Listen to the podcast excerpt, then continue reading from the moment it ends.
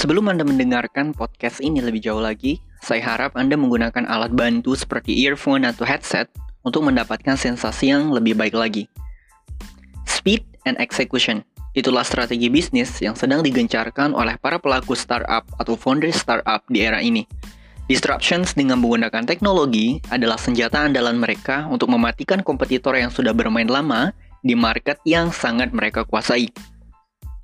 Alhasil banyak sekali perusahaan-perusahaan baru yang mun Alhasil banyak sekali perusahaan-perusahaan baru yang muncul sebagai the giant of company yang mengalahkan pemain-pemain lama.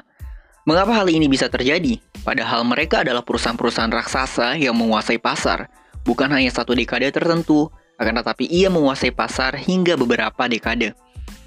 Jawabannya adalah karena di era yang serba cepat dan serba instan, konsumen lebih memilih hal-hal yang lebih simple dibandingkan mereka harus dibebankan dengan hal-hal yang sangat tidak produktif.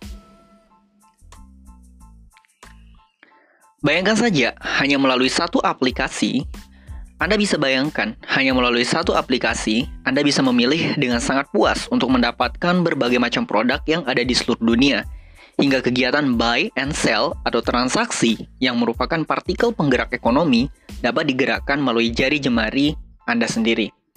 Hal ini memang terdengar sangat gila, akan tetapi mau tidak mau, kita saat ini hidup di era yang serba cepat, serba instan, serba rush, efektif, dan efisien. Oleh karena itu, tema podcast kita kali ini adalah Speed and Execution is Better than Perfection. Singkatnya ada tiga hal yang menjadi catatan kita bersama untuk merunning sebuah business plan di era yang serba dinamis saat ini. Catatan yang pertama adalah don't be proud of your business model. Jangan pernah bangga, jangan pernah berbuat sendiri. Singkatnya ada tiga singkatnya ada tiga hal catatan. Singkatnya ada tiga hal yang menjadi catatan penting kita bersama untuk merunning sebuah business plan di era yang serba dinamis saat ini. Catatan yang pertama adalah don't be proud of your business model. Jangan pernah bangga, jangan pernah berpuas diri dengan bisnis model yang sedang kita jalankan saat ini. Kalau kita perhatikan pada saat ini, banyak pemain-pemain besar atau pemain-pemain lama dibuat bertekuk lutut oleh pemain-pemain baru.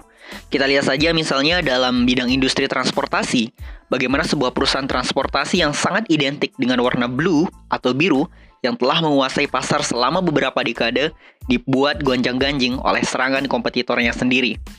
Mengapa hal ini bisa terjadi? Bisa saja pemain lama terlalu nyaman dengan model bisnis lamanya atau terlalu bangga dengan produknya sendiri Padahal kita tahu, sentimen-sentimen seperti teknologi terus mengupgrade diri. Alhasil datanglah pemain baru yang membawa formula baru yang lebih simple, lebih friendly dengan financial, konsumen. Bisa saja pemain lama terlalu nyaman dengan model bisnis-bisnis lamanya, atau terlalu bangga dengan produknya sendiri. Padahal kita tahu, sentimen-sentimen seperti teknologi terus mengupgrade diri. Alhasil datanglah pemain-pemain baru yang membawa formula baru, yang lebih simple, lebih friendly dengan financial konsumen, maka kenyataannya tidak perlu memerlukan waktu satu dekade untuk meng maka kenyataannya tidak perlu memerlukan waktu satu dekade untuk mematikan model bisnis para pemain lama. Catatan yang kedua adalah don't be late in innovation. Jangan pernah telat dalam melakukan sebuah inovasi. Seorang bapak manajemen. Catatan yang kedua adalah don't be late in innovation. Jangan pernah telat dalam melakukan sebuah inovasi. Seorang bapak manajemen dunia yakni Jack Welch pernah mengatakan bahwa perubahan yang dilakukan di saat kita harus benar-benar harus berubah adalah sebuah keterlambatan. Kita tidak perlu menunggu kompetitor kita terlebih besar terlebih dahulu. Kita tidak perlu menunggu kita lebih besar terlebih dahulu, baru kita melakukan sebuah tindakan perubahan secara besar-besaran. Justru pernyataan Jackwell ini sejalan dengan pernyataan dari Jack Ma bahwa kita tidak perlu menunggu musim hujan tiba baru kita memperbaiki atap rumah kita. Justru kita memperbaikinya sebelum musim hujan itu tiba dan bagi saya pribadi, inovasi adalah asupan pokok bagi sebuah perusahaan. Kemudian catatan yang terakhir atau poin penting yang terakhir adalah be detail. If you are not detail, you are going to fail. Kata-kata ini dilemparkan oleh orang terkaya di dunia, yakni Jeff Bezos bahwa ia mengatakan jika Anda tidak detail, maka kamu sedang menuju sebuah kegagalan.